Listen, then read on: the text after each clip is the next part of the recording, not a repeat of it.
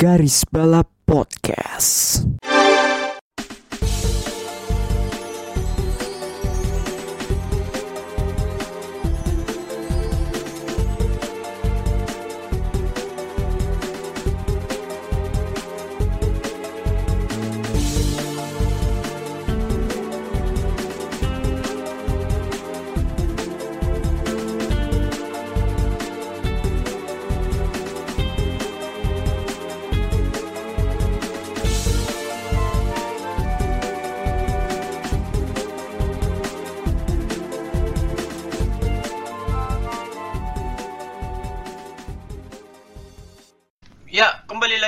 Di Garis Balap. Kali ini episode 57. Kalau kalian melihat teman kalian sedang bersukaria dalam menghadapi pekan ini, bisa jadi dia fans Real Madrid atau fans Red Bull. Atau bisa juga dia dapat tiket gratis ke Formula E Jakarta. Bersama gue Bagus, eh, of course gue tidak sendiri, ada Melinda yang sepertinya sudah sampai ya di Jakarta. Udah luar biasa macet Jakarta dalam kota emang ya. Udah kembali normal itu. Kembali normal, tidak ada social distancing distancingan ya. Apa itu distancing? Eh, dan juga ada Rifki yang sedang siap-siap ke Jakarta juga nih buat weekend ini di EV. Back home again in India. Suara lu Kiki. Nah, merayakan lah saya lah gitu kan setelah eh sa- hampir 2 tahun gitu kan tidak melihat penonton di Indy 500 gitu kan. Iya benar. Soalnya udah lama juga sih. Tapi ke tahun lalu, tahun lalu juga masih ada dong. Kepatas, gak, gak Terbatas full, terbatas iya. gak full, gak full capacity. Betul, itu dia. Em, apa namanya? eh, kali ini kita tidak akan bahas F1 karena sudah kita omongin ya di podcast yang sembalap F1. Nanti apa namanya? Nanti dirilis sama mereka ya. Iya. Iya. tunggu aja pokoknya eh, ulasan dan bahasan kita mengenai Monaco. Gitu.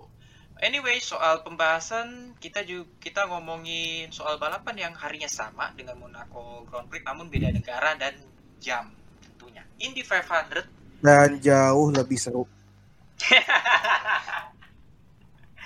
tapi emang kalau boleh jujur sih emang seru sih karena Yang ya paling balapan adalah Indy 500 kawan-kawan. Iya, sementara Monaco ya memang ada balapannya cuma susah juga gitu kan. Oke, hai, so kita akan bahas soal Indy 500 pada weekend kemarin. Tapi sebelum ke sono, kita ke topik yang samping-sampingannya dulu sebelum ke topik utama. Ada MotoGP Mugello weekend kemarin. Luar biasa. Mind blown. Mind blown. Tapi sebenarnya eh, MotoGP ya yang menang kan si Bagnaia ya. Sebenarnya gua Yes. heran juga sih eh, Ducati bisa menang karena karena kan ya lurusan Mugello itu panjang banget. Tapi yang mengejutkan selain sebenarnya kalau untuk Pecco sih nggak mengejutkan ya karena motornya Ducati juga. Fa- Fabio Quartararo bisa pitu itu gimana ceritanya itu loh? Mosak masik ride. Dah gitu doang. Aduh, itu aduh aku agak sedih sih karena duo PR46 Academy malah merosot sama Digi Antonio malah merosot juga. Ya, Hmm, terbang dari gua- dari pole position ke P11. Hmm. Soalnya apa ya, kalau di Gian Antonio gue juga kaget sih jujur sih dia meraih pole ya. Tapi Wah. ya lagi-lagi sih dia masih rookie dan jam terbangnya masih dilihat cetek Mm-mm. ya. Meskipun Mm-mm. motornya Ducati. Jadi, Iya.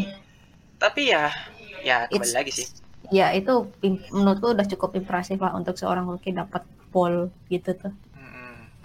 Tapi yang mengejutkan sih Quartararo sih bisa kayak melawan motor Ducati itu kan emang Hmm. cukup unggul di, di corner kalau gue Mm-mm. lihat daripada Dan tiba sendiri. uh-uh. dan tiba-tiba ada Aprilia menusuk di belakang.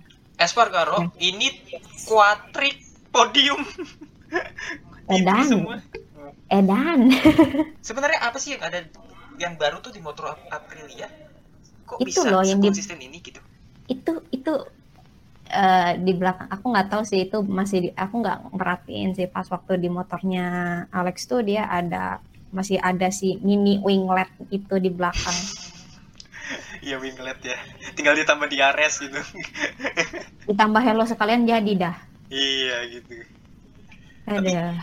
Tapi itu sebenarnya kalau lu perat kalau lu misalnya baca-baca atau perhatiin itu sebenarnya gunanya buat apa sih? Dan sefungsi itukah? Katanya sih lumayan berfungsi untuk untuk downforce-nya mereka. Hmm. Jadi biar rear mereka tuh nggak oleng gitu. Karena kan kalau motor itu kan lebih prone buat oleng kan, buat jatuh untuk either itu untuk high side maupun low side gitu. Losing rear tuh untuk motor tuh lebih gampang gitu.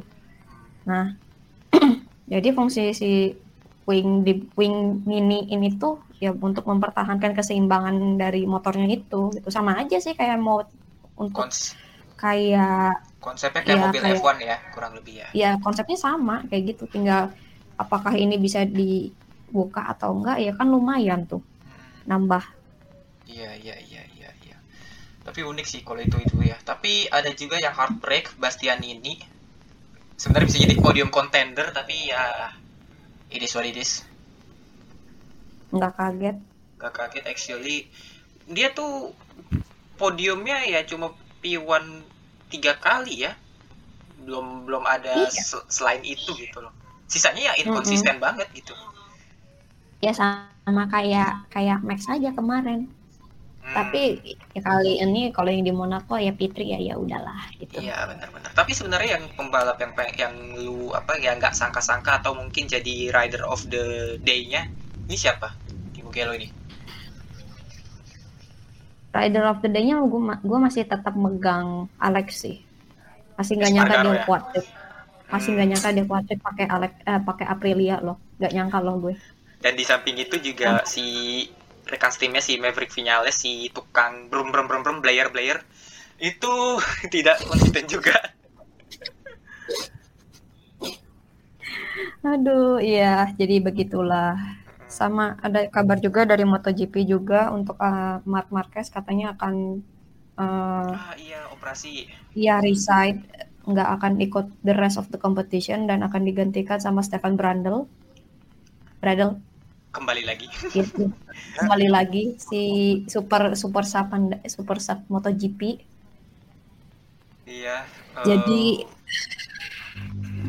ya ini mah tinggal menunggu kejatuhan dari Honda Repsol aja.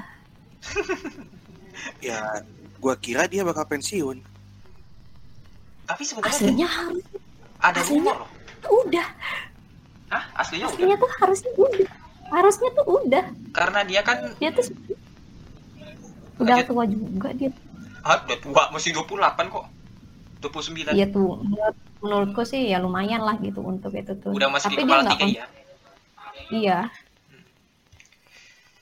Kayak Heh, Ya soalnya ya gitu dah GWS lah buat Marquez sih. Kasihan juga sih. Ya lagi-lagi sih riding style dia sih. Cuma eh, dia cederaan-cederaan mulu gitu kan. Kayak gue kasihan aja. Apalagi sejak yang tahun yang Harris 2020 tuh yang sampai jatuhnya sampai membuat tangannya. Aduh. Gitu Aduh, itu dong. di pinggir sirkuit dia sampai teriak gitu loh. Dikira orang mungkin teriak jancok gitu kan. Ya, kan apa yang gua bilang Gus selama ini kan. Hmm, Marquez kan mau ini ya Pak speedrun. dan menuju Tuhan soalnya dia terlalu ambil resiko itu sih Mm-mm, dan ini juga yang membuat dia berpikir kalau kalau misalnya tanpa operasi dia cuma bisa sampai tahun 2024 aja Hmm. maksimal maksimal juga ya. banget. Ya udah lah gitu loh. kayak maksud maksud gua kayak you've done everything that you could gitu loh di di momen itu Tapi sebenarnya ya, sebe- sebenarnya waktu gua masih ingat waktu Marquez muda, waktu Marquez masih di Moto2, di Moto2 deh, di Moto2 waktu itu kan dia sempat di hype cukup besar gitu kan sebagai Yes. eh, pembalap penerusnya Valentino Rossi atau segala macam gitu kan bisa memecahkan rekor VR46. Hmm. Cuma ini sangat anti klimaks ya dari apa yang kita apa sih namanya ekspektasikan gitu loh. Sebenarnya dia pembalap bagus, bagus banget kok. Eh, cuma Cuma yang multiple world champion salah satu yang bahkan. Iya salah satu yang terbaik gitu loh. Dan mungkin ya terbaik saat ini harusnya. Cuma ya lagi-lagi sih eh, dia tuh pertama ya cedera yang kedua ya itu tadi riding style-nya malah membuat dia menjadi ya seperti ini. Gitu itu dari Makanya. MotoGP Mugello ya. Bagnaia peringkat satu, Fabio peringkat dua dan Espargaro peringkat tiga dan Quartararo masih ini ya mencakri klasemen dengan 122 poin di bawah It- di di bawahnya ada Alex Espargaro 114 poin. Hmm, beda Gila. 8 poin. Itu tolong Ada kan? eh, itu tolong ada yang ca- bisa cari info kang pijet gitu buat Fabio tuh di, di akhir musim. Kenapa tuh? Secara Carry. dia megang apa dia yang carry Yamaha habis-habisan. ya bener. bener bener bener bener. Udah gitu Wow. Yamaha juga bakal ditinggal sama RNF musim Iya. musim. Iya, Jadi mo- jadi Yamaha cuma pakai motor tunggal ya? Pabrikan. iya, Iya, pabrikan Wow. Amazing. kecuali ya you- they can start a deal gitu kan. Mm-mm. Tapi yang mau masuk Oke. siapa?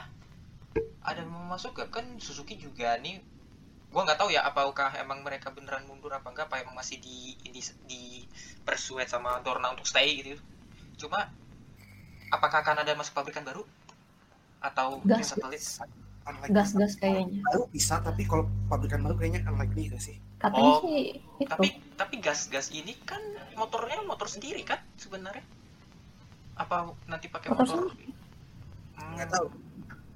Nah, aku tuh kemarin eh, kemarin tuh gas-gas tuh masih itu sih, masih ngawang gitu. Aku belum kebayang dia mau pakai motor hmm, beli jadi atau bikin sendiri gitu. iya iya iya Oh menarik iya, moto MotoGP panen crash. panen crash juga ya banyak yang crash juga sih Wah, begitulah seputar MotoGP. Kalau soal gas gas masuk ke MotoGP menarik sih. Karena kalau misalnya di slow corner jadi rem rem. Ya, gak ada yang ketawa lagi ya udahlah. Oke, itu aja. Terima kasih dari kami. Eh, kami, kami mau eh, mau ruatan dulu ini bagus. Kita ke Super GT yang kemarin balapan. Nah, ini oleh Anda punya puji Nissan. Udah udah udah. Silakan silakan silakan silakan Gus. Silakan Gus. sebenarnya ini enggak iya. enggak enggak enggak Anda enggak enggak gini gini gini gini gini gini gini. Eh, sebenarnya emang Nissan yang menang. Cuma yang menang ini bukan yang tim intinya. Justru ini tim kedua ketiga NDDP Racing gitu. Dan uniknya kan pada balapan Fuji kemarin si Takabushi kan crash gitu. Sampai kita bi- bikin kita deg-degan gitu kan. Ini menang. Di Suzuka dan eh tapi emang kalau soal Suzuka ini emang tracknya Nissan sih. Soalnya berapa kali juga Nissan cukup dominan di sini gitu. Cuma ya again kemenangan pertama mobil di mobil Nissan baru ya. Terus yang kedua ada si mobilnya Honda tuh siapa Eh, si Matsushita Nobuharu Matsushita eh, bersama Real Racing berpartner sama Kuroisu Kakoshi. Eh, lalu yang ketiga ada Sasha Fenestras dari TGA, TGR tim kiper Toms bersama Ritomo Miyata tiga pabrikan berbeda which is very very variatif ataupun podiumnya terus ada juga 24 Hour of Nürburgring. Eh gue nggak nonton jujur emang nggak nonton sih gue nggak ada kesempatan buat nonton. Tapi ada satu kejadian yang gue highlight itu Vantor bersaudara tuh gimana bisa saling bersenggolan. Sang sang kak, sang kakak nyenggol sang adik. Gitu dan uniknya sang adik menang. Ya itu eh, itu nanti pas lagi Natal bakal menarik tuh dinernya tuh. So- soalnya gini. Saya sih kalau kalau misalnya itu, itu dijual jadi konten gitu ya saya beli deh. Iya, soalnya gini, Mbak- si Lawrence kan sempat diwawancara kan sempat pada saat apa setelah crash tuh. Dia emang rada-rada memberikan statement cukup apa ya, dia emosi gitu loh terhadap tapi setelah beberapa jam setelahnya dia klarifikasi. Bahwa dia kayak kayak bahwa this is the worst experience in my life gitu loh. Menabur bersenggolan sama ini adiknya sendiri gitu tapi tapi tapi tapi di tweet terakhirnya Lawrence tuh Lawrence Vantor itu dia lagi pagi-pagi bersepedaan terus di sebelahnya ada mobil dan itu dalamnya adiknya si Tris jadi masih baikan Mau mau tahu nggak yang lebih goblok dia apa coba? apa Kebiasaan nih kan si Lelo kan. Lelo. Oh, si Lelo. kan yang itu kan Iya, iya, iya, iya. terus pas dia kan nggak menang kan ya di. Gue lupa dia berapa kan? Itu Oh, oh, pokoknya iya. di ada nge-tweet itu kan sama Iya. Lawrence dibalikin ini. Maybe you should join that dinner with this Fantor and myself. We have 24 hour victory together. We can give you some advice. Lelo, eh, Lelo emang tukang kompor sih emang sih. Lawrence maksudnya lebih anjing sih. Aduh, terbaik memang. Eh, tapi emang itulah eh, apa namanya sam apa sih namanya emang kebrengsekan Lelo sendiri. Emang emang keselengeannya dia gitu kan. Aduh, tukang panjat-panjat anjing. Tukang panjat sekaligus tukang kompor gitu sih. Tapi ya well eh, un- selamat ya untuk Phoenix Racing Kelvin van der Linde Kelvin S. van der Linde eh, Dries Van Tor lalu Frederick West lalu Frederick Verfish dan Robin Frans serta tim Gelael eh, berhasil memenangkan 24 hour Nürburgring diikuti oleh dua dari mobil Mercedes dari Mercedes AMG tim Fiat Speed. Ya modal bagus lah untuk untuk Audi nih. Dan ditunggu ya soal live one ya oke kita ke kita ke apa namanya berita yang kemarin cukup menggempar, menggemparkan. Kimi Raikkonen kembali ke NASCAR tapi untuk satu balapan ya di Watkins Yes. Glen bersama Trackhouse Project 91 tanggapannya? Ya Itu memang kayaknya cuma ngisi waktu luang aja deh. dia dia dia, dia gabut itu gabut. Dia Sampai- gabut. sampai dia tuh merubah bio bio IG-nya itu dari retire to racing again gitu. Kimi lah udahlah Kayaknya bebas ya suka-suka dia lah. Hmm. gue Tapi kira yang itu. apa nggak tergoda ngelihat indie gitu loh tapi gua rasa Indi terlalu tua nggak sih untuk dia A- atau enggak atau enggak lemang gitu kayak atau Iya yang lebih nyelok Ya gitu. lemang gitu, lemang gitu. Gitu, but dan- ya anyway it's uh, ya Kimi juga udah punya ini sendiri kan di NASCAR kan di track series sama Xfinity kalau nggak salah ya Eh, dia di Cup Series up. Oh sebelumnya ya? Sebelumnya Cup Series, eh, Cup Series satu Xfinity ya? Kayak Cup Series kayaknya antara Cup Series atau Xfinity tapi yang paling gua ini sih dia di Track Series. Track, iya kan track series kan Mm-mm. Ah. Jadi ya semoga semoga sukses dah buat bapak Kimi yang satu itu ya tapi ini cuma satu balapan juga sih dan Project One nih eh Project 91 ini kan tim baru kan sebenarnya. kalau nggak salah ya lupa Hmm, jadi ya butuh apa ya? Butuh engagement juga ya dari Raikkonen itu sendiri gitu kayak ngangkat. Sinius mutualisme udah lah Iya, saling menguntungkan Ya juga. butuh, butuh butuh figur kayak Kimi kok. Dan Biar nggak gabut aja sih. iya, dan Nas- itu. dan NASCAR nggak hanya balapan ini Amerika aja ya. Oke, Mm-mm. good luck untuk Kimi Raikkonen. Lalu ada berita terbaru baru-baru ini pada hari ini, Ceko perpanjang kontrak. Gak kaget actually. Ya wong Enggak sih. udah tipis dia sama dia juga pas podium. Iya, udah tipis-tipis. bukan tipis lagi kita udah udah, udah bamblang tuh. Oh berarti udah tantangan kontak. Cuman kita nggak tahu berapa lamanya aja. Hmm. Iya, dan yang bikin kaget ya itu durasinya sih dua tahun. Dua tahun iya. dua tahun 2024 berarti Iya. dia akan apa namanya ngebantu Max Verstappen di Red Bull. Ya kontak dia udah kontrak sebagai pecunnya Max sudah iya but ya meanwhile ya Perez deserve untuk menang Monaco kemarin sih dan juga deserve kah? Dapat kontrak dari Red Bull ya deserve sih. I mean itu it, Perez adalah pembalap yang dicari sama Red Bull selama ini. Hmm, Ya Iya. iyalah, absolut eh absolut. dia ke championship musim lalu juga gede walaupun ya dia relatif struggle ya dengan dengan mobil yang Cinderella itu kan. Ah, RB16B tapi tapi ya eh, ketika dia but ketika Red Bull membutuhkan dia ya dia bisa deliver tuh loh hmm, bisa deliver ban Turki terus ya of course Abu Dhabi gitu kan Hmm. Mm-mm. ya ya menurut gue it's a no brainer lah ya dan Cuman, juga ya spare eh, top aja buat Gasly dan juga teman-teman RB Academy ya Hmm, kasihan juga sih. Kayak ya this is Formula One sih, emang Formula One terkadang kejam gitu loh.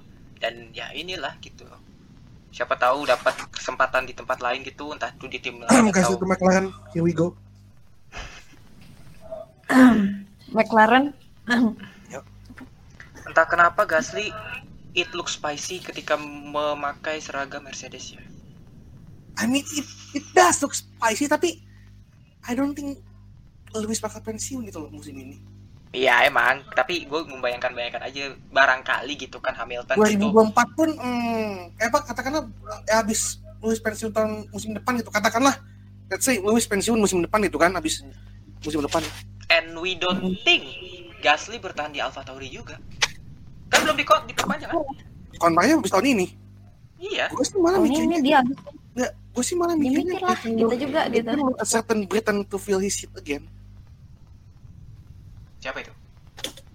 LM4 Lando. Hmm. ya kalau misalnya itu project McLaren mandek aja Ya pasti Lando Lando. apa nggak mau nggak nggak kepikiran apa gue cabut ke Mercedes aja gitu kan Iya soalnya Lando, soalnya kan Mercedes lebih apa ya, bi- lebih bisa ngasih mobil yang layak untuk Lando. But again ya, adaptasi dan juga kesesuaian terhadap gaya balapnya sih. Takutnya, takutnya ya kayak itu di R3 2.0. enggak sih imagine ini mah bayangin aja kan dua rival F3 di eh sorry F2 di tahun 2018 2018. gitu kan di ah, in my opinion kelas F2 terbaik Hmm. satu tim dan itu banyak banget talenta di situ sih. Salah satu Eh, musim ya. kemasannya ini. dan itu itu F1 Twitter wet dream itu Iya, pengennya sih ya. Mimpi, basah itu udah semua tuh orgasme langsung Aduh, ya begitulah. Tapi ya, oh. By the way, Ceko panjang kontrak. Good luck untuk Well done, Ceko. deserved. Eh, Uh, Hernandez or whatever it is Felix Navidad or whatever it is itu Ceko aduh, itu dari seputar. Baku 2020 bang, eh 2021 banget. Iya gitu. Eh, ke balapan ke ini selanjutnya F2 Monaco. Dua balapan. Apa yang kalian highlight dalam balapan ini? Gua Selain jujur, gua nggak di Fitur Race. Race. Gua, Ya. gua, gua lupa nonton Fitur Race. Hmm. Atau bahkan kayaknya gua nonton cuman gua lupa banget apa yang terjadi. Hmm. Mungkin Yang sprint race. adalah spare thought kepada eh, JQs. Mm-mm. Hmm. Sayang banget itu it- itu udah kayak anjing lah itu udah, udah pol apa start di depan gitu loh ketika ketika sprint race Hmm. malah stall. Stall lagi. Kasihan banget ya. Padahal itu Untung nggak untungnya untungnya pembalap yang lain pada bisa ngehindar tuh. hmm. Thanks. It- itu for for, itu formation lap kan? Enggak, Enggak starting grid. Eh, apa pas Udah. mulai? udah mau mulai, Oh, oke. udah mulai gitu. Gue inget kok. Gue yang live tweet kan. Eh terus ya MP menjadi Well done. menjadi Sri Mulat ya di di sprint race. Dua-duanya ya. Gue aja anjing. Iya. Eh, Drogovic eh, di lap pertama langsung puncture ngalah pit ke Watt di mana race-nya belum dideklar Watt. Gimana coba itu? coba pit move kan dikiranya oh bakal Watt nih. Ya udah kita pit kita pit ganti, ganti ke ban Watt. Kagak Ini- ada Watt nih. Ini, ini kayak Gasly 2018 ya. Iya. Terus mau, mau apa? Udah disuruh udah disuruh DNF nih kan? Kita ya kan? Kita ya setara dekar gitu kan? Iya. Hmm. Lima lap kemudi, berapa lap kemudi? Lima lap itu nggak salah. Balap lagi. Anjing. Gue bingung gitu kan? Apa nih apa apakah karena mereka ketakutan kena penalti gitu kan MP Iya. eh, ya jadi kayaknya tapi akhirnya eh, udah clear dan dibolehkan untuk DNF. Eh gak lama kemudian Mr. Konsistensi DNF juga setelah tangle with Ayumu Iwasa Aduh. yang maksa itu di Raskas Iya iya iya iya. Tapi ini kan jadi- di sprint race menjadi kemenangan pertama untuk Dennis Sauer. well done Well itu done. itu bener-bener dominating sih Auger Mm-mm. gak, gak bisa tuh ngedeket tuh mbak mbak lain tuh Hmm. Dan yang pumping FL FL FL terus saya anjir Hmm. dan juga ini ya apa sih namanya Red Bull One Two. Eh enggak Prema malan sama Prema. Janda Ruvala. Premawan tuh ya Iya Prema One Two lah. Premawan tuh Dan kayaknya pertama kalinya ini anthem Norwegia di play di F2 ya Eh, belum. Eh, iya, ini pertama kalinya. Pertama kali kan? Mm. So ya, props to Hauger. Gua nonton fitur gua yang gua inget Dro- Drogovic menang, but that's Iya. it. Yang gua malah mau highlight itu sebenarnya ini sih. Insidennya di qualifying. Iya. Di Antonino ya. Heeh, si Drogovic Mm, mm, mm. itu enggak ini sekali ini juga gua, gua mau kasih kan. Apakah F1 seharusnya ngopi apa yang dilakukan sama Indy? If a driver crash, maka yang lap time yang dihapus adalah lap time pembalap itu. Tapi it's too Buat apa? Terutama early buat, sih? buat buat Monaco ya, gitu loh. Tapi Karena it's ngerugiin banget itu loh buat pembalap-pembalap lain yang emang lagi potensial buat improve gitu loh. tapi Kayak Lawson terus Iwasa gitu kan. iya iya iya, tapi Hmm. tapi terlalu kejam gak sih? Kesan karena gini eh, soal kecelakaan ya kita nggak tahu di luar kesengajaan itu sengaja apa enggak tapi pasti kan ada yang kayak nggak sengaja atau gimana gitu loh malah Iya. jadi kena katanya gitu. Masalahnya Monaco gitu loh.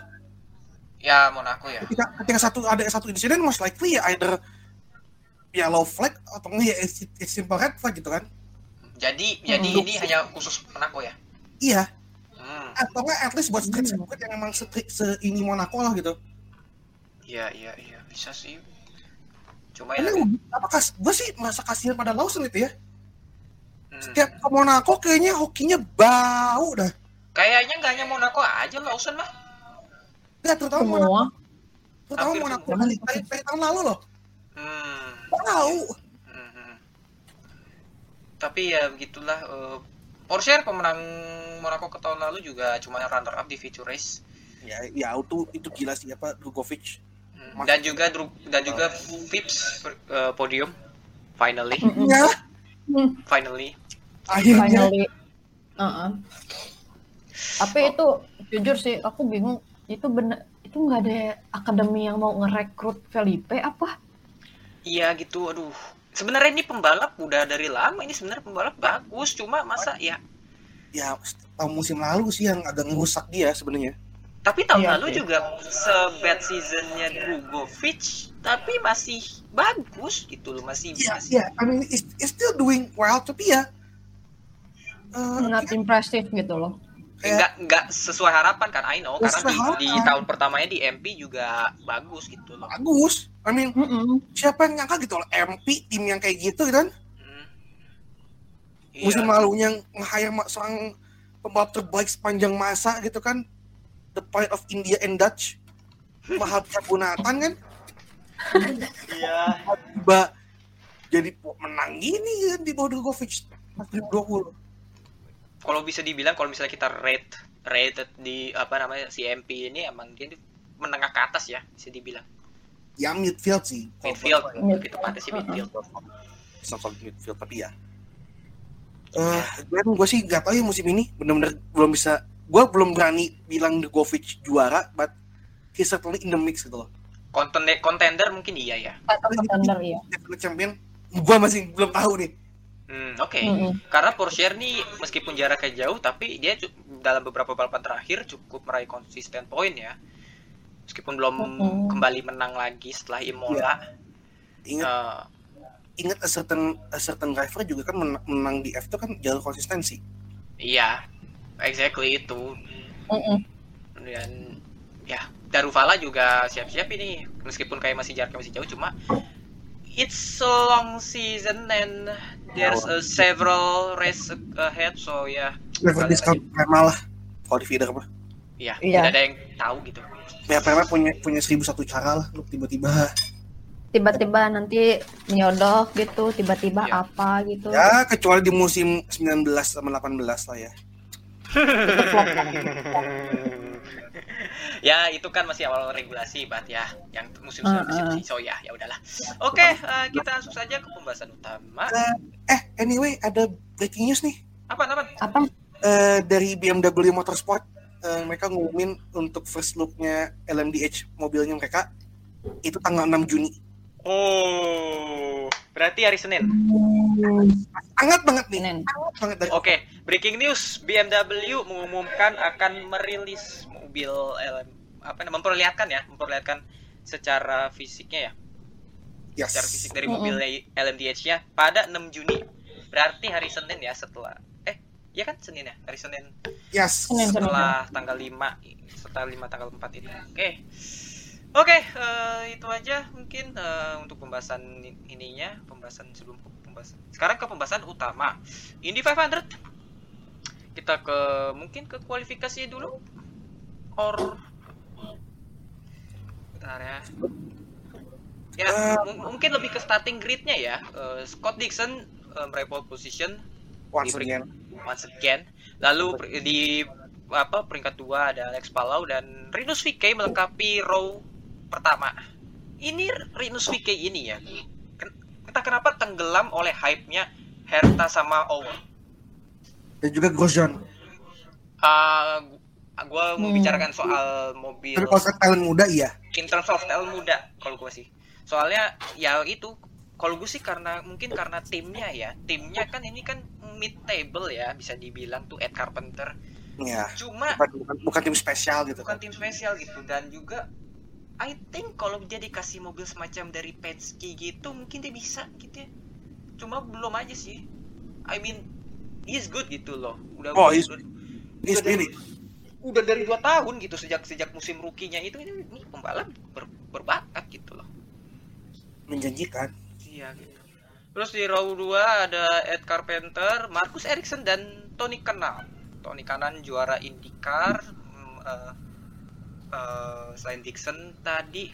Lalu ada Pato Award eh, peringkat di row 3 ada Felix Rosenquist rekan timnya dan Roman Grosjean menghadapi rookie in- apa namanya musim rookie pertama ini Indy 500 Yes. Lalu eh, ada Takuma Sato, lalu Will Power dan Jimmy Johnson. Hmm, Jimmy Johnson terpantau rookie ya. Ya, Lalu di row eh, ya kudos buat Jimmy lah itu kualifikasinya. ini kualifikasinya bagus ya. Berarti it's, it's just playground kan. Iya. ya.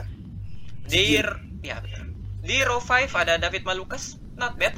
Lalu ada Jo- Joseph Newgarden dan Satinto Ferrucci. Lalu di row 6 ada Simon Pagenaud, Ju- JR Hildebrand dan Connor Daly. Lalu peringkat 7 ada Callum Aylott. Di row 7 cukup impresif ya. Di- Sangat. Lumayan. Ini- jangan lupa ini Jungkos. Bukan bukan bukan tim tim kaya. Junkos yang itu yang nyingkirin si Rookie of the Century itu. Ungkit terus, ungkit terus, ungkit terus. Ya gimana lu udah itu itu tim udah udah apa namanya udah mengeluarkan banyak banget apa namanya udah spend banyak itu kan untuk si Alonso ini tapi ya tetap aja kalah sama tim yang kekurangan sponsor. Yang baru di apa namanya yang baru apa namanya eh, diputus kontraknya sama sponsor beberapa hari sebelumnya gitu loh. Jadi wow gitu loh. Lalu di row 8 ada Serge Karam Marco Andretti dan Devlin De Francesco. Lalu di row 9 ada Colton Herta. Lalu eh, menemani dia dia ditemani oleh Scott McCoglin dan Miss Pak Gubernur Dr. Andes Haji Helio Castro Neves SHMH lalu ada row 10 ada Kyle Kirkwood dan Dalton Kellett dan Juan Pablo Montoya. Lalu di row 11 di row terakhir ada Christian Lundgaard, Jack Harvey dan Stefan Wilson. Ini nggak ada Bamte ya? Soalnya Nggak ngepas. Karena, karena emang dari awal udah udah ngepas 33. udah ngepas ya ya begitulah. Tapi itu epic sih kalau misalnya ada bum day gitu. Kayaknya bakal seru tuh. Oke eh tapi ada beberapa ap- apa ya? Beberapa kejadian yang perlu kita highlight juga selama the whole weekend maybe. Terutama soal insidennya Dalton Kellett dan Colton Herta. Dalton Kellett nih kalau gue lihat insidennya itu benturannya cukup keras sih. It's a big big hit. Itu keras btw. keras loh ya. Kata Khaled sendiri, tapi in- ini again ya ini it shows safety improvementnya IndyCar udah jauh banget. Mm. Jadi mobilnya itu mencatatkan impactnya itu ya. Iya. 100 G. Tapi si apa Khalednya sendiri cuma nyatetin 32 G impact. Oh my god. jadi meredam G-force itu ya Saver barrier dan juga semua perangkat safety-nya IndyCar tuh works.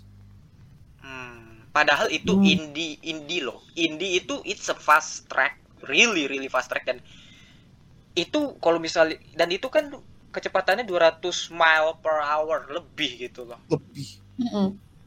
Mile per hour ya, bukan kilometer per jam ya. Jadi em, ya well dan untuk Indy tapi ada juga Colton Herta. Colton Herta ini insidennya ini mengingatkan gue pada insidennya Helio ya, Helio tahun 2015 sama juga di tikungan yang sama juga. Cuma waktu itu belum ada aeroscreen. But ya it's apa ya? Beruntung inilah apa namanya eh, safety improvementnya dari si Colton apa dari si Indy IndyCar itu sendiri gitu loh. Dan- dan ini. Dan gue juga pada saat kamera menyorot ke Herta itu gue berasa sesek anjir. Soalnya di, lu bayangin aja di sini aspal, lu lagi berada di kokpit yang sempit gitu. Iya. lu kayak balik. Iya. Gue kasihan Oh, iya, sama iya. Herta, gue kasihan sama Herta sih. Aduh, gue please lah dikeluarin nih anak gitu. dan dan dan bagus dan untungnya Indika tuh cepet gitu loh. Iya. Iya, tim medisnya bagus. Mereka cepet, Tim medisnya langsung cepet. tim biasa gercep. Jadi eh tapi ya, I think in a way ini juga yang ngebuat balapannya Herta hari Minggu kacau balau sih. Iya, karena karena kan eh, si siapa? Sebenarnya kan si ayahnya si Colton kan si Brian Herta itu kan udah bilang bahwa nih, mo nih mobil tidak bisa diperbaiki untuk hari Minggu.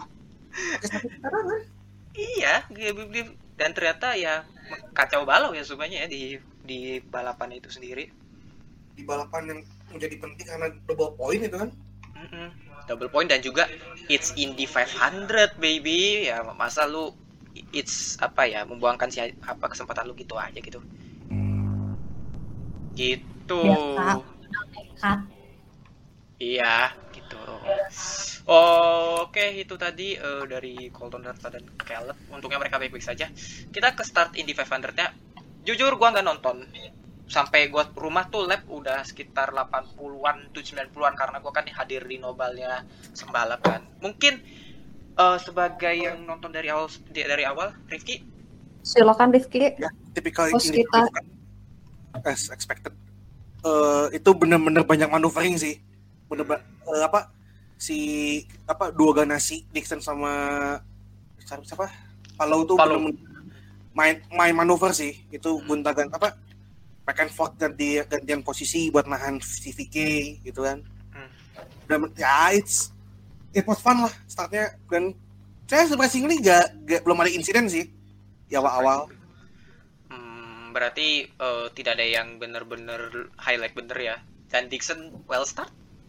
well start. Buat gua eh, highlightnya di start itu ya itu sih. Du, apa strategi stra- apa strateginya dua chip ganasi ini sih. Hmm, ya ya ya ya. Tapi eh, pada saat beberapa lap setelah balapan eh, ada Rinus VK yang crash. Gila sih itu. Gua gua buat teriak itu pas pas VK crash. Hmm. Karena buat ya he's, he's got a chance itu buat buat menang gitu menurut buat gue ya. Sebelum dia crash gue kayak mikir anjing kalau kalau kayak kayak gini VK bisa nih gitu loh. Terutama buat ngeganggu duo chip ganasi itu bisa banget sih. Hmm, apalagi ber- berada di tim yang Ed Carpenter Racing itu kan. ternyata oh ternyata turn 2 ya Turn 2 again. Eh, by the way soal turn 2 ada insidennya Grosjean dan juga si Aylot bukan di turn 2 ya. hmm? ya turn 2 Oh, dua-duanya Aylot turn 2 juga. kok nggak Oke. kok nggak salah dua deh dua-duanya tuh Ya ya ya ya ya ya. dan Aylat eh, dicek tangannya tuh sampai di, dikasih tuh loh Di di ini enggak sih di kayak dijahit gitu? kayak diperban gitu deh Soalnya Ya, waktu soalnya di pakai kas warna hitam gitu pas lagi di, di interview Iya iya, soalnya pada saat pada saat apa di snapgram doi itu tangannya kayak dengan caption tidak ada apa shake, shake hand untuk untuk beberapa hari ke depan. soalnya kayaknya Aylat iya, tapi emang tapi emang itu impact-nya sakit ya. Kasus Sakit. segitu ya. kencang sih kencang itu itu eh gue juga jadi jadi nggak tahu nih dia bisa ikut Detroit kan Detroit tuh pekan pekan ini ya? Gue lupa pekannya apa pekan depan itu tapi iya dong, ya kondisinya kondisinya agak cukup agak cukup ini sih Soalnya Iya, Detroit de- soalnya Detroit kan barengan sama IMSA juga gitu loh. IMSA sebagai Mhm. yang ini. Iya. Iya. dan jangan lupa eh kalau Aylat gak ada ya Jungkus pusing Iya. Ya kecuali kalau mereka eh, nggak nggak balapan dulu, tapi kayaknya sulit juga sih. Itu sih. Tapi untuk soal Grosjean bukan Nah. debut yang baik ya. Untuk satu itu. Tapi ya sebelumnya ya he did ya quite okay lah gitu. I mean it's, it's first Indy 500 gua nggak ekspektasi yang kayak gimana gimana gitu loh. Mm. Just him being ya, dia finish aja udah bagus gitu kan. Tapi ternyata Hmm. enggak ya. Oh ternyata turn Ternyata 2 tidak. Again turn 2 emang kampret sih itu. Itu sebenarnya lebih ke error pembalap atau emang dari turn 2-nya itu sendiri ya? Ah, It's combination of both tadi. Hmm. I guess ya, gak tau sih. Menurut teman-teman yang mungkin pokoknya dari dia tuh kalau kenceng atau gimana ya? Gua gua juga agak-agak ini misalnya malam itu balap malam banget tuh. Iya malam banget. Iyalah. Di memori memori memori gue jadi agak-agak ini nih. Sampai sambil nahan ngantuk, bener-bener nahan ngantuk gitu gua. Iya iya iya iya. iya. Iyalah. But ya, tapi yang terpenting ya, mereka baik-baik saja dan Grosjean semoga saja bisa ikut lagi tahun depan. Pasti Oke, ikut lagi sih. pasti ikut lagi bersama Andretti gitu kan. Semoga saja. Mm-mm. Gue menanti kemenangan pertama Grosjean. Ya. So ya. One day, one day it will happen. One day, one day. kok. Dan juga eh, setelah restart dari beberapa insiden itu ada manuver yang sangat-sangat bikin biarkan kepala manuver dari Santino Ferrucci. Fuck you lah. Singkat jelas padat.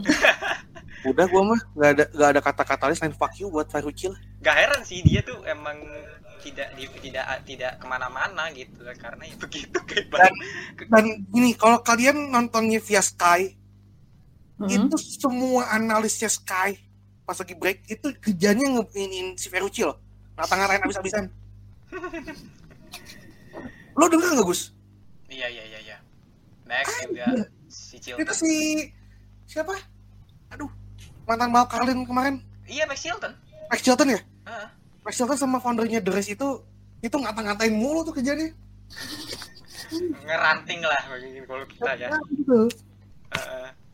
Ngeranting gitu kan. Aduh, Ferrucci, Ferrucci nggak berubah ya emang ya.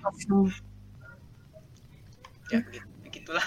Tapi eh, ada insiden lagi yaitu McCoglin yang jujur aja sih itu bikin kita kayak wow, kayak anjir bisa begitu kecelakaannya kayak dia nabrak tembok dulu terus sempet apa sempet kayak motong cut eh, banking gitu terus nabrak lagi dan itu big hit loh lumayan Itu big hit, big hit.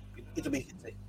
dan pada saat eh, setelah benturan pertama kan dia tuh undrivable gitu loh nggak nggak bener-bener di luar kendalinya dia bener-bener meluncur aja gitu udah begitu Itar Kasapan mah dia udah jadi passenger aja itu mah. iya udah bebas dan itu nyaris loh ng- ngenain mobil di belakang gitu. Gue lupa siapa ya? mobilnya biru. Aduh gue lupa lagi siapa. Jangan, eh, itu kayak setelah Palau penalti gak sih? Eh, setelah bukan penalti, emergency pit gak sih? belum kayak sih itu belum. Belum. Kayaknya belum deh. Ya disaster pet disaster weekend disaster Indy 500 for Penske Di balapan yang jadi hajatannya Roger Penske ya. iya Mm-mm. ya dia gimana ya Eh, mereka cum tapi itu masih bisa apa ya ada sedikit obat pelipur pelipur lara karena Penske menangin pit stop challenge-nya setidaknya ada yang bisa dibanggakan aduh Itu mah inilah eh, appreciation aja lah ya, trofi ini aja. Iya sebagai ya ini aja sih pelipur lara Ya, ibaratnya kalau lo, lo lomba gitu kan, jual harapan lah ya. Bicara. Iya benar benar benar. Eh, tapi di luar itu ada beberapa interesting strategi dari Arrow McLaren SP. Kenapa apa ya? Pat, eh, Arrow McLaren SP ini cukup menarik ya. Terlebih lagi gue heran loh, Felix bisa sewaras itu dan Pato bisa menyaingi Scott Dixon dan gue sih melihatnya Scott Dixon ini bener-bener menahan dua mobil Chevrolet di belakang dengan Ya, mobil Hondanya gitu. Kembali lagi kan, Dixon.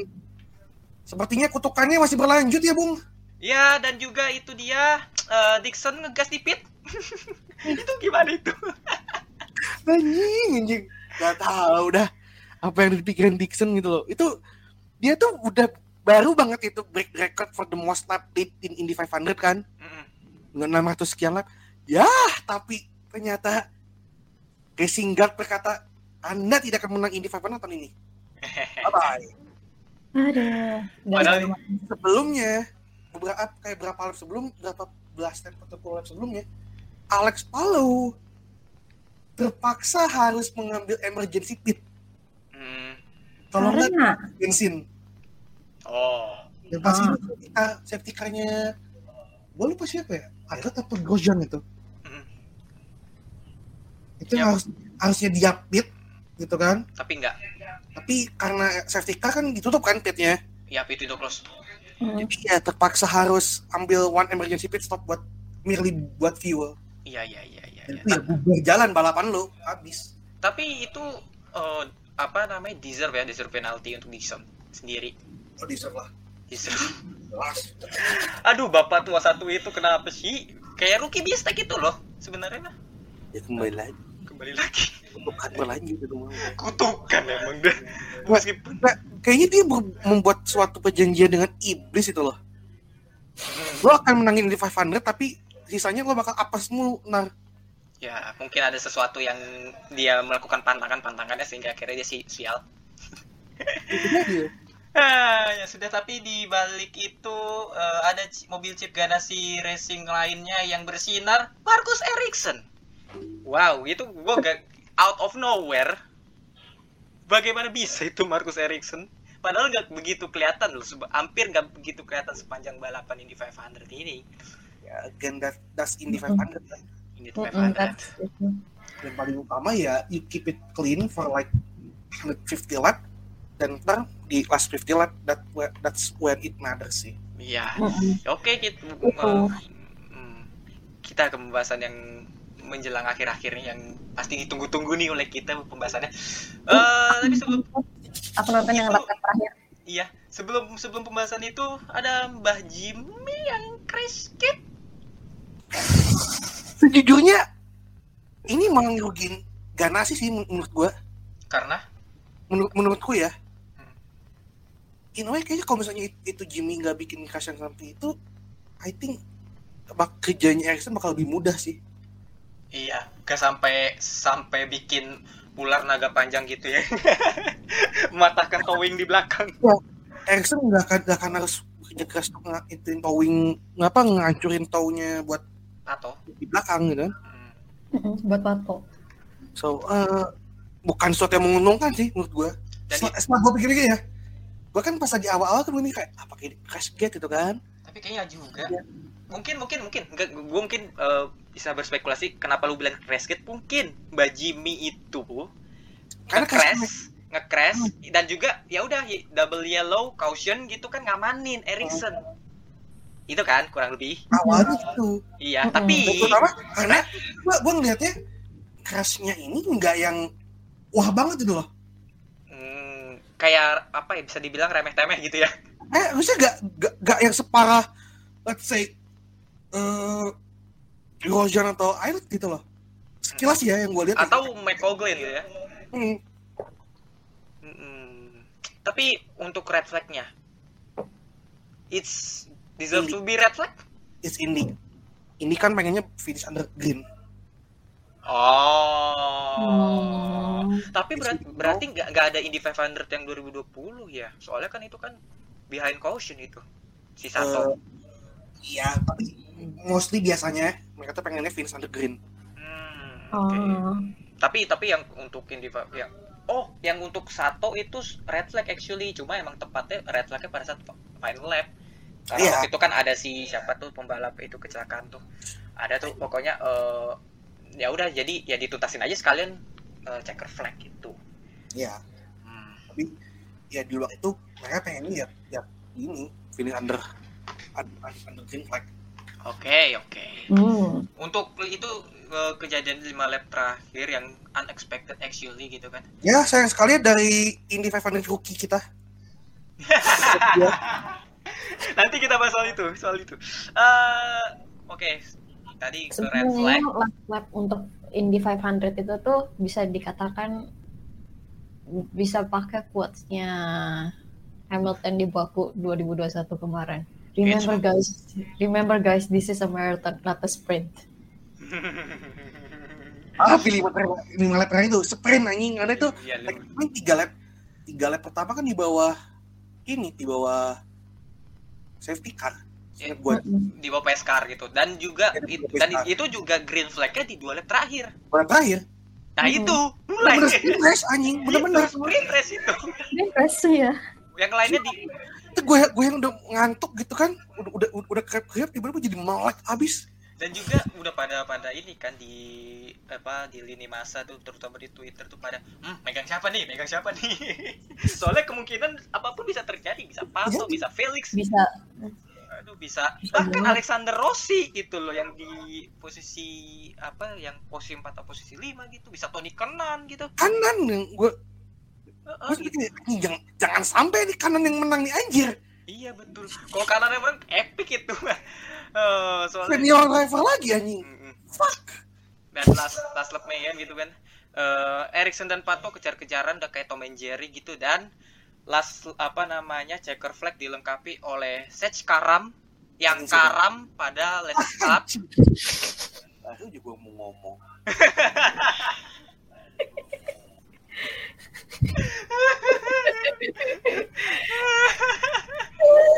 ternyata saya ternyata gua dan lu punya pikiran yang sama ya. Astagfirullah.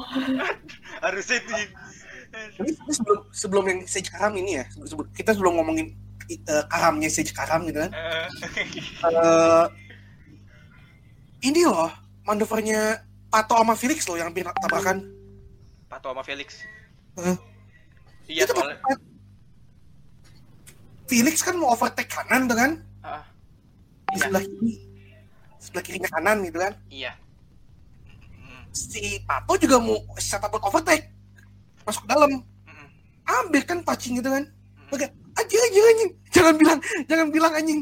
Aku kalian mau Iya bener bener bener. Eh, tapi itu seru sih Erickson sama Pato juga dan dilengkapi oleh Sage Karam. dan menurut kalian itu ya Pato back off atau enggak? Back Pas off lagi- maksudnya? Pada saat pas lagi. final lap. Hmm, yang habis yang barusan tuh yang mau belokkan yang setelah start finish itu turn satu itu kan udah technically udah side by side itu kan iya iya udah sangat tapi bahasa. Pato mundur Tapi Pato untuk soalnya dia nggak mau ambil resiko juga lah. Soalnya Erickson juga udah berada di jalur dia gitu. Susah juga sih. Rada back off kayak sih. oke karena feeling karena itu gua, gua jadi mikir kayak oh ya kayaknya dia mikir buat bigger picture itu dia mikir championship Antara championship atau ya lagi-lagi lu kalau mau ngambil resiko ya susah juga sih soalnya sebenarnya. Meskipun kayak- itu meskipun itu last days of minute tapi ya gimana ya? menurut gua kayak kayak there's something bit, apa yang lebih penting itu Ya bisa jadi. ngumpung gitu kan, ngumpung Penske lagi ngebotol terus Kerta juga gitu kan Mm, Dan juga emang William Aro McLaren SP ini kan diuntungkan dengan mesin Chevrolet yang kenceng gitu sebenarnya. dan jangan lupa terus Apa? double point di Indy Double point juga gitu. Kalau misalnya dia terlalu eh, ambil terlalu ber- beresiko gitu, tahu-tahu nabrak gitu kan dia nggak dapat poin. Mungkin Iya. poinnya akan berkurang gitu loh. Jadi ya sudah gua berkurang. runner up aja gitu loh. Runner-up dan ya eh, maksudnya dia masih muda dan I think beberapa dia masih bisa jadi kontender lah buat menang Indy 500 Of course. Dan juga dia kan eh, punya kontrak jangka panjang dengan Aero McLaren SP gitu kan sampai 2026. Jadi let's see what happens kecuali kalau dia ke F1 jadi ya oke eh, gitu aja. Udah, eh, Nggak bosan apa dia di Indi mulu? jadi itu eh, selamat untuk Marcus Ericsson Em, apa namanya melengkapi ya. 200 lap. Dan ini menjadi buka puasa eh, pemenang di Indy 500 ya untuk Chip Ganassi setelah Dario Franchitti tahun 2012 dan terima ini kasih kepada Kang Kitty juga yang udah ngebantu Erickson buat menang Iya, dan juga eh, ini menjadi pembalap berwarga negara Swedia pertama yang menang Indy setelah Kenny Brack tahun Oh. 99. Hmm. Dan jangan lupa yang seneng juga Akademi Sauber. Ah, Pe- Opa Sauber senyum-senyum itu loh. Udah Perez menang di Monaco, terus yang Ericsson menang di Indy. Hmm. Seenggaknya Happy day for Sauber. Nah, Seenggaknya ini membuktikan bahwa Marcus Ericsson jauh lebih baik daripada teammate-nya.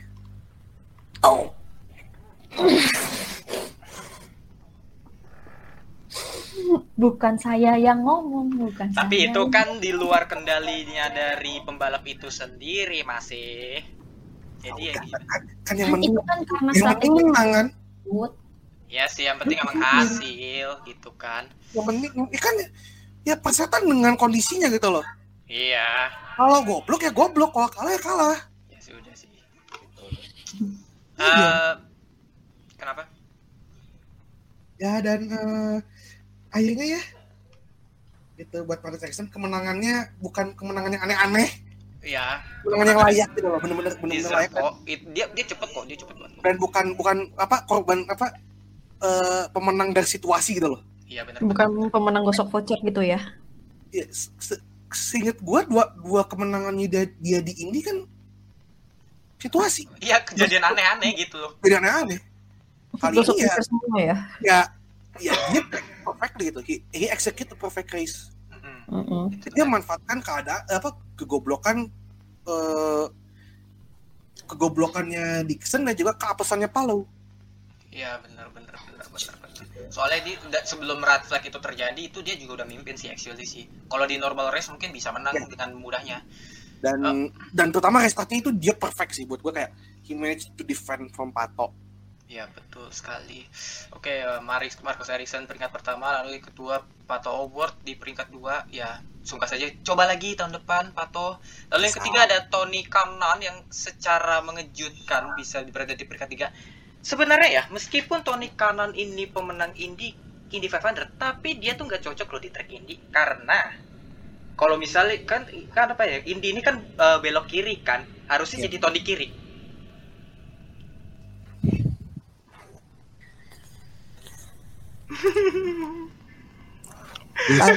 dalam.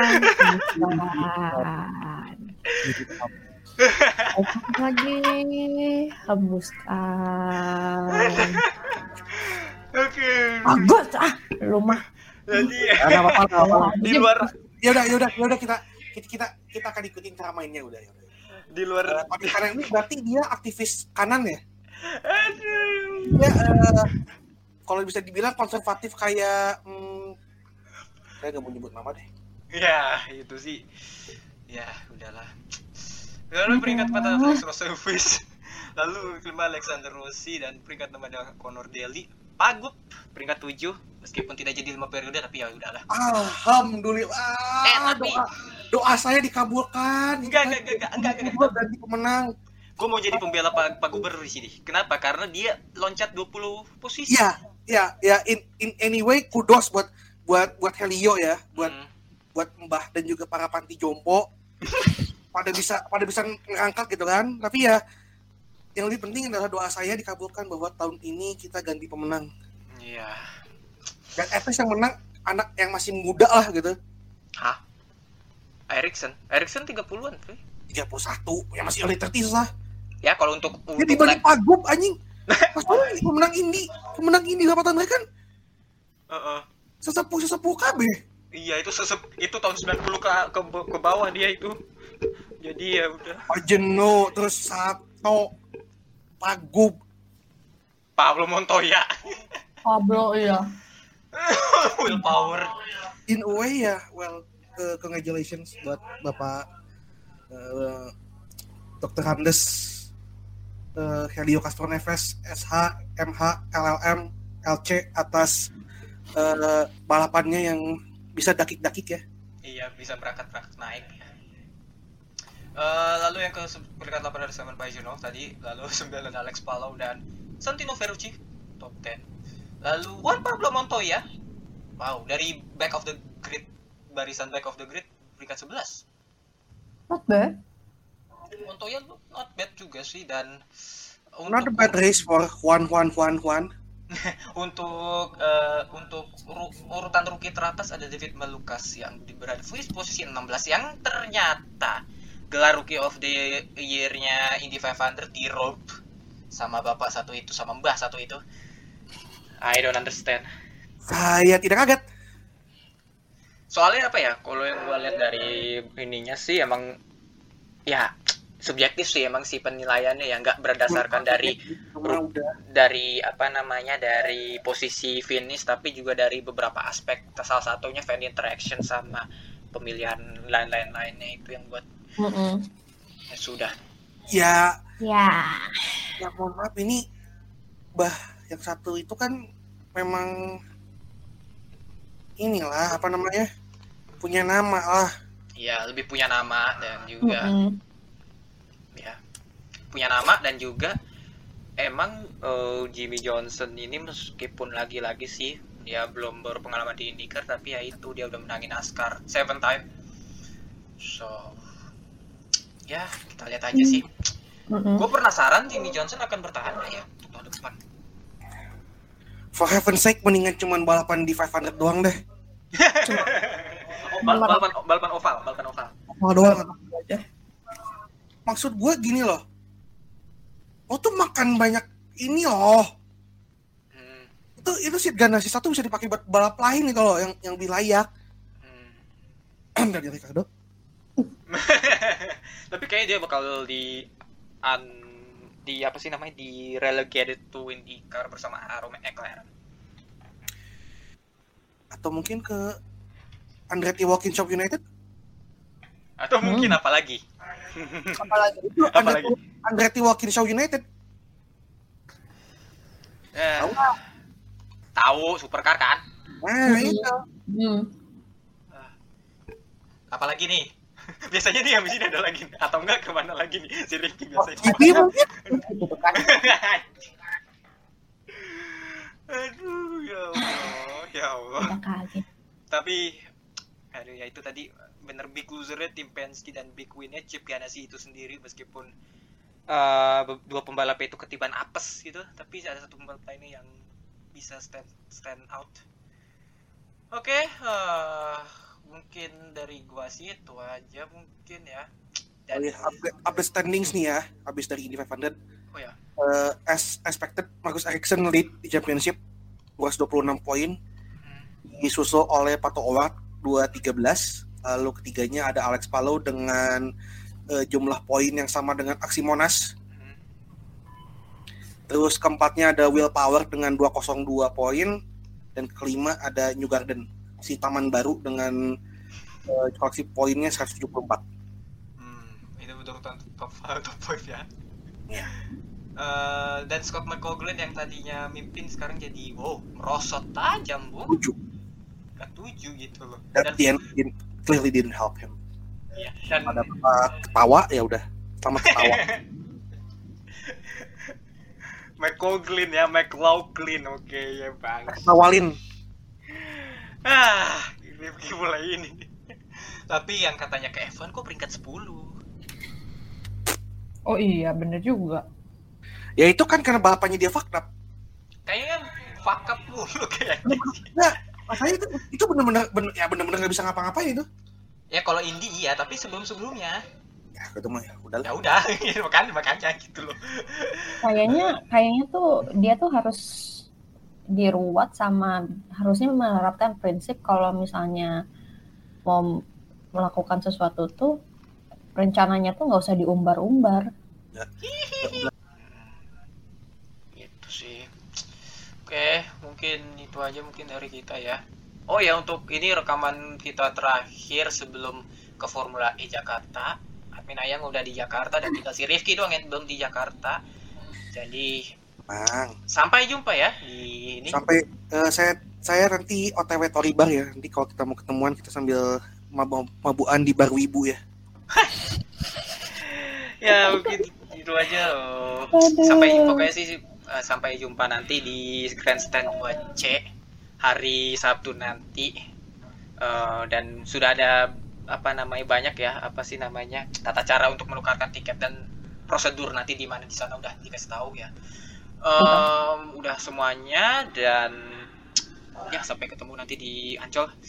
Oh ya jangan lupa eh, follow Instagramnya garis balap garis balap dan juga Twitternya at garis balap juga dan follow Spotify Kasih kita. juga.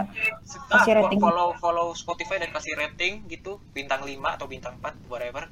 Eh dan follow gar- podcast garis balap juga oke.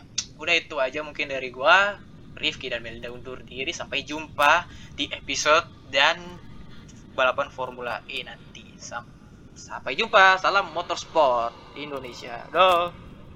Dadah.